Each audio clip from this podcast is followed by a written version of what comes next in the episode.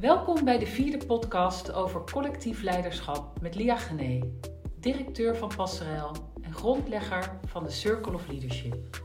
In deze podcast gaan we aan de hand van de systemische Circle of Leadership op zoek naar wegen om collectief leiderschap via de systemische benadering vorm te geven voor de praktijk. Mijn naam is Margreet van Dongen en ik ga tijdens deze serie met Lia in gesprek over wat er nodig is om de draai van individueel naar collectief leiderschap te kunnen maken. Deze podcast staat in het teken van de derde stap van de cirkel kwesties. En hoe deze kunnen bijdragen aan de versterking van collectief leiderschap. Lia, wat wordt in de cirkel precies bedoeld met kwesties? In de cirkel bedoelen we eigenlijk met kwesties alles wat te maken heeft met onze vragen en dilemma's in de dagelijkse praktijk, die ik even onder de term kwesties uh, probeer samen te vatten. Ehm, de vorige keren hebben we stilgestaan bij uh, identiteit. Wie willen we zijn? Wat is uh, de waardegedrevenheid die we hebben? En hoe brengen we die eigenlijk de wereld in via onze intenties? Die we vaak wel weten vanuit ons persoonlijk perspectief. En het is ook zoeken naar hoe kunnen we die dan in het collectieve perspectief naar buiten brengen. En dat doen we dan eigenlijk bij alle thema's door te beginnen met wat is onze vraag op dit moment in de kwestie die speelt. Mm En het formuleren van die vraag is eigenlijk dan het beginpunt in de uitnodiging om je vraag te formuleren in een spelende kwestie is eigenlijk de eerste beweging in het verantwoordelijkheid nemen ehm, voor je eigen aandeel in een vraag. En wat vraagt dat dan van degene die een kwestie of een vraag heeft? Is een kwestie niet alleen buiten zichzelf te plaatsen, maar ook de kwestie te herformuleren in een vraag die voor jou in het hier en nu of voor een collectief in het hier en nu de belangrijkste vraagstelling is in dat moment. En wanneer we ons verbonden weten met wie we zijn en waar we voor willen staan, weten we ook wat we ehm, in ons dagelijks leven en werken naar buiten willen brengen via onze intenties. En dan komen we tal van vraagstukken en dilemma's tegen. En die vraagstukken en dilemma's, die heb ik eigenlijk geprobeerd te vatten met het woord kwesties. En dan hebben we te maken met zowel grote kwesties, die eigenlijk gaan over een heel groot geheel, uh, die uiteen kunnen vallen in kleinere delen. En dan hebben we kleinere vraagstukken en eh, dilemma's of vragen, die we zowel op persoonlijk niveau kunnen hebben, of uitgezoomd in het grotere geheel een maatschappelijk thema kan worden. En um, als zich een kwestie voordoet, wat vraagt dat van ons individueel? Om daar maar eens te beginnen. Het vraagt voor, van ons uh, uh, op de eerste plaats om in het benoemen van een kwestie uh, ook eigenaarschap te nemen in relatie tot die kwestie. In die zin dat ik me ga afvragen op persoonlijk niveau, dus in het deel, van wat is mijn vraag dan in dit thema of in deze kwestie. En dat vooral omdat wanneer we toe willen werken naar collectief leiderschap, dat dat betekent dat een, elk deel in dat collectief ook aandeel wil hebben en ook draagschap wil dragen uh, een vraag in die kwestie.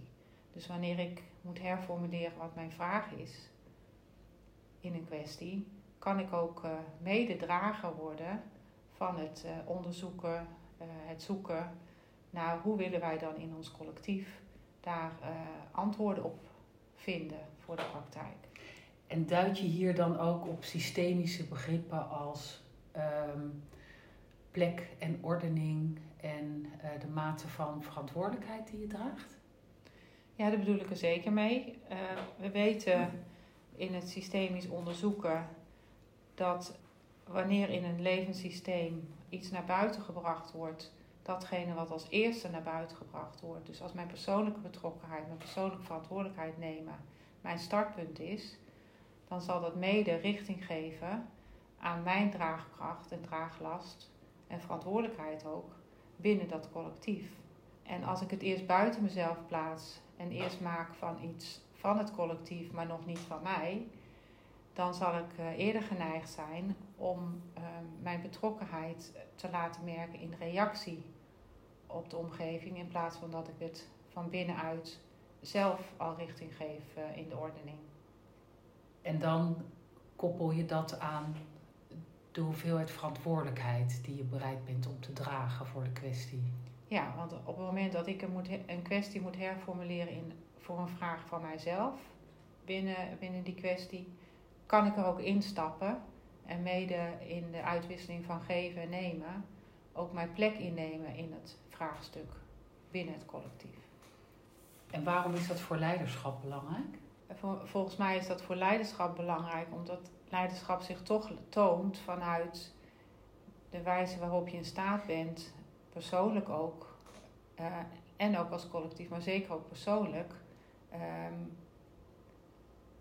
eigenaar te willen zijn en jezelf ook aan te kunnen zetten van binnenuit in um, bij te willen dragen aan de vraag die er speelt.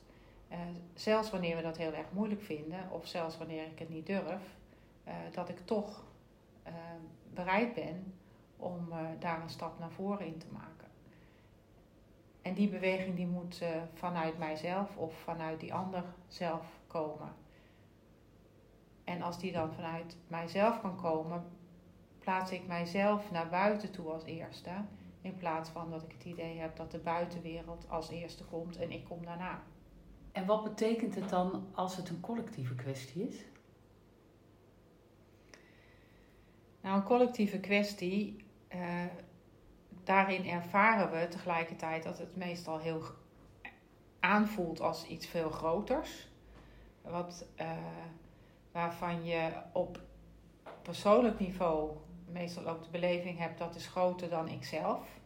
En soms ook de vraag is, wat is dan mijn aandeel in die kwestie? Of ligt die dan buiten mij? Terwijl in werkelijkheid ik natuurlijk ook het collectief ben. Dus ook het persoonlijke is, is ingesloten in het collectief. Dus een collectief en het persoonlijke kun je eigenlijk niet, kun je misschien wel onderscheiden als delen, maar je kunt ze eigenlijk niet scheiden. Dus een collectieve kwestie is per definitie ook altijd een persoonlijke kwestie. Omdat je er deel van bent. Omdat je deel, deel ervan bent. En wat vraagt dat uh, voor de vraagstukken van nu? Nou, het besef, het besef dat collectief en persoonlijk onlosmakelijk in samenhang met elkaar zijn, mm-hmm. vraagt in het verhouden tot een kwestie of het in, in het verhouden tot de persoonlijke vraag die je zou kunnen formuleren in je eigen deel in relatie tot die kwestie, betekent dat ik hem behapbaarder kan maken, omdat ik stil kan staan bij wat zie ik als het begin bij mijn eigen deel in dat grote geheel.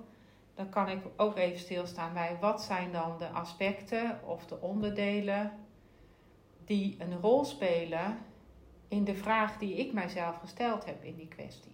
Mhm. Waardoor ik me makkelijker kan verhouden tot die kwestie en eigenlijk ook behapbaarder wordt. En ik kan zien welke onderdelen in samenhang allemaal met mijn vraag te maken hebben. En dan kan ik eventueel keuzes maken welke van die onderdelen ik eerst aandacht wil geven en welke van die onderdelen daarna of waar ze elkaar uh, versterken of verzwakken. Ik kan daarin dan mijn goede plek vinden of mijn, de maat vinden in hoe ik me daartoe wil verhouden. En kan je, dat, uh, kan je daar een concreet voorbeeld voor geven? Nou, een, een, kwestie die we in ons, en dan wat meer op macroniveau van onze samenleving, is dat we bij een schaarste hebben op de arbeidsmarkt in uh, personele krachten. In, mm -hmm. alle, bran in alle branches. Mm -hmm. De ontwikkeling is in de zorg dat um, het vooruitzicht is dat op dit moment al geloof ik 1 op de 4 mede eh, mensen werken in de zorg en dat dat toe gaat naar 1 op de 3 in de zorg. Um, tegelijkertijd zien we een ongelooflijk verloop op de hele arbeidsmarkt. Dat waar mensen uh, misschien 20 of 30 jaar geleden bijna niet van hun plek afkwamen en heel lang in een bedrijf bleven, nu ongelooflijk veel mobiliteit is van de ene werkplek naar de andere werkplek. Ja. Ehm, dus nu zit ik in een organisatie eh, waarbij ehm, ik nauwelijks de bezetting rond kan krijgen met mijn personeel. Ehm, en ik zie dat personeel, als het maar even heel erg veel druk op komt, want tegelijkertijd is op macroniveau een groot tekort. En in de organisatie is de druk daardoor hoog, waarbij eigenlijk eh, als ik alleen kijk naar die organisatie en ik kijk alleen eventueel naar mijn baan en ik denk, ja, het wordt me hier echt te gortig. Uh, het vraagt te veel van me. Ik ga kijken of, het ik ga kijken of ik het ergens anders beter kan krijgen. Ik moet ook denken aan mijn kinderen. Ik moet ook denken aan mijn partner. Ik wil ook nog een beetje een leuk leven hebben. En uh, ik word helemaal opgeslokt door het werk. Dus ik ga kijken of het ergens anders leuker is. Mhm. Dan zit ik onmiddellijk in alleen kijkend naar mijn wereld en alle actoren waar ik rekening mee te houden heb, kan ik gebruik maken van het feit dat er schaarste is. Dus ik kan ook naar een andere werkplek Mhm. komen. En wellicht heb ik te weinig rekening gehouden met het feit dat de kwestie zich in de hele samenleving afspeelt. Dus de waarschijnlijkheid van het dilemma wat ik nu heb, dat die zich weer zal voldoen, voor, voordoen in, het, in de volgende keuze, die heb ik als, misschien wel niet in oogschouw genomen. Nee, dus het gras is eh, groener ergens anders. Ja. Gaat wellicht niet op, omdat het een veel groter probleem is dan, probleem dan mijn persoonlijke Ja. vraagstuk op dat. Wat hebben we dan vervolgens onder ogen te zien? Wat we onder ogen moeten zien is dat we ehm, in de kwesties van, van nu en voor de toekomst, dat we vooral het collectief daarvoor weer nodig hebben. Daarvoor spreek ik ook over collectief leiderschap. Dat we met elkaar weer, ehm, als het ware, een nieuw verhaal nodig hebben. En dat het eigenlijk een collectief verhaal zou moeten zijn. En dat we met de Circle of Leadership via de verschillende invalshoeken langs die circle ehm, het verhaal ook met elkaar opnieuw kunnen gaan schrijven. Wie we zijn, waar we voor willen staan, waar we wat we de wereld in brengen. En dat we begrijpen dat het collectief het persoonlijke in zich meeneemt. En dat, je zou kunnen zeggen, systemisch gesproken, het collectief het persoonlijke insluit en in het persoonlijke het collectief is ingesloten. En dat de belangrijke verschuiving in het maken van dat collectieve verhaal is, is dat we ook eh, begrijpen dat er een eindigheid gekomen is aan een andere periode, waarbij we vooral in leiderschap het accent hadden liggen op de individualiteit en individuele vraagstukken. Mhm. Dus de verschuiving in ordening gaat, zal gaan over hoe kunnen we van het eh, ik-perspectief, wat op de voorgrond stond op de eerste plaats, weer verschuiven naar dat het wij op de eerste plaats komt. En het ik, het individualisme, veel meer naar de tweede plek verschuift. En heb je ook nog een praktische invalshoek eigenlijk, dat je zegt begin maar met wat kleinere groepen. Begin maar binnen organisaties. Nou, we weten dat eh, het ons het makkelijkst valt om ook grotere kwesties te begrijpen wanneer we dat eh, aan ons persoon kunnen verbinden, dus aan ons individu. Een heel groot verhaal is dan meteen heel groot, alleen we leven en werken in kleinere eh, groepen. En zeker als je kijkt naar organisaties zou je kunnen zeggen dat is een, is een collectief op zich. En ook een gemeenschap waar je eigenlijk als je werkt heel veel uren van je leven ook eh, in, in doorbrengt. En wat ook belangrijk is voor je betekenisgeving in het leven. Dus je zou kunnen zeggen, nou een eerste collectief waar ik ook in verkeer is mijn organisatie waar ik voor mag werken. Dus gemeenschap creëren en gemeenschapszin ook weer ontwikkelen en het wij-perspectief eh, naar de voorgrond halen. Eh, daarin kunnen we heel goed eh, in organisaties eh, met elkaar aan de slag. Omdat dan er een grotere bereidheid is om het ook gezamenlijk te dragen. Ja, als je, als je weet waar je, eh, eh, waar je het voor doet, eh, wat de onderliggende betekenis is en waarde waarvoor we met z'n allen aan het werk willen. Ehm, zoals eerder gezegd, als we ons daar weer in het collectief aan kunnen verbinden, dan kun je ook met elkaar ervaren dat je samen kan dragen datgene wat op je pad komt. En dat maakt ook dat je ook weet waar je betrokkenheid weer kan leggen. Dus het is in het, in het collectieve verhaal schrijven met elkaar. Voed je eigenlijk de intrinsieke betrokkenheid ook van, uh, van de personen binnen dat collectief.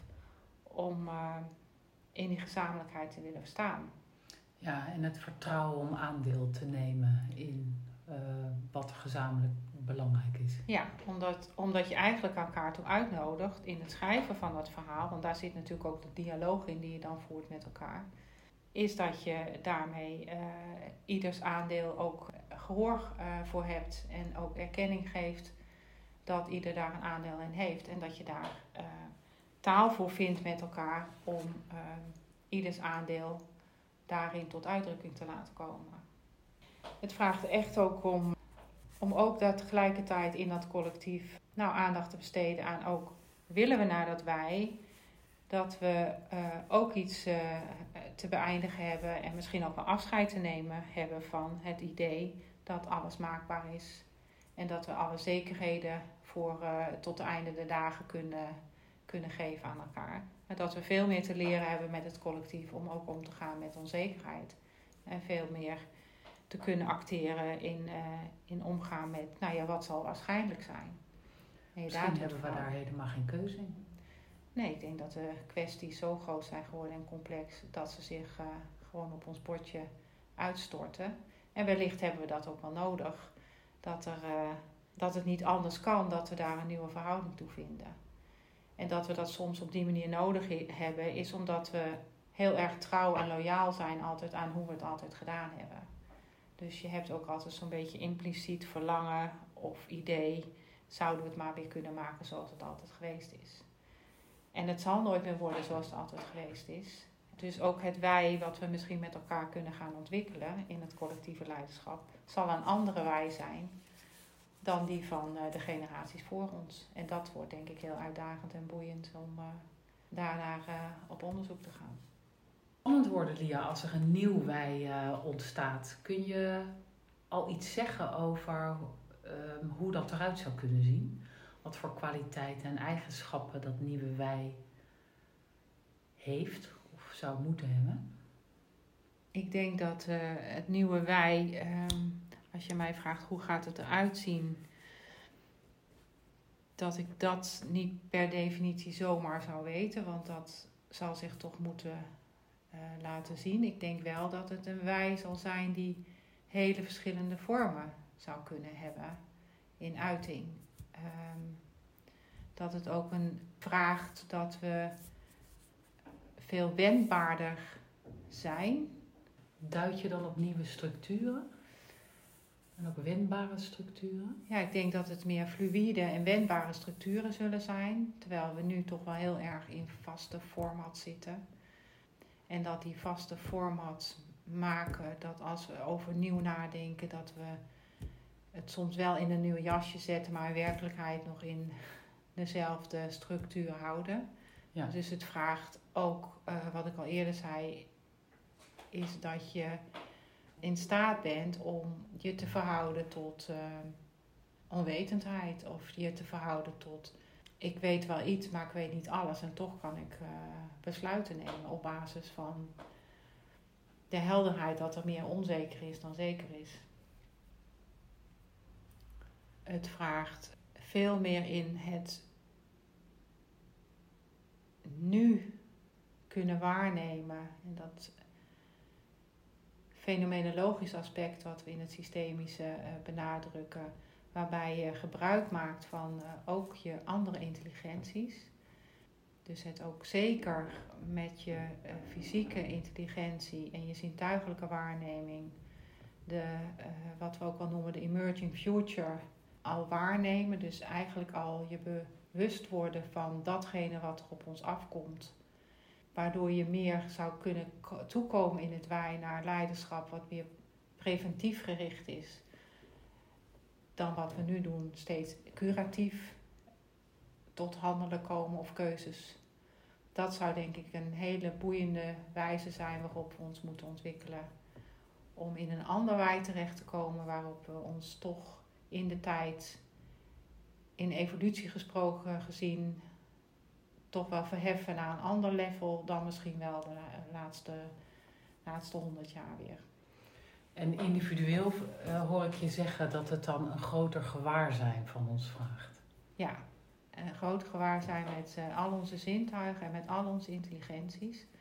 Waarbij ook niet onze uh, ratio het enig zaligmakende zal zijn, maar het samenspel en de samenhang van de verschillende intelligenties. En dan spreek ik over zowel de fysieke intelligentie als de sociale, emotionele en cognitieve intelligentie maar eigenlijk ook, en daar wordt in de literatuur al steeds meer over gesproken, systemische intelligentie. Dat wil zeggen dat je eigenlijk in staat bent in het waarnemen, het grotere geheel, uh, in onderlinge samenhang eigenlijk te kunnen zien en ervaren vooral.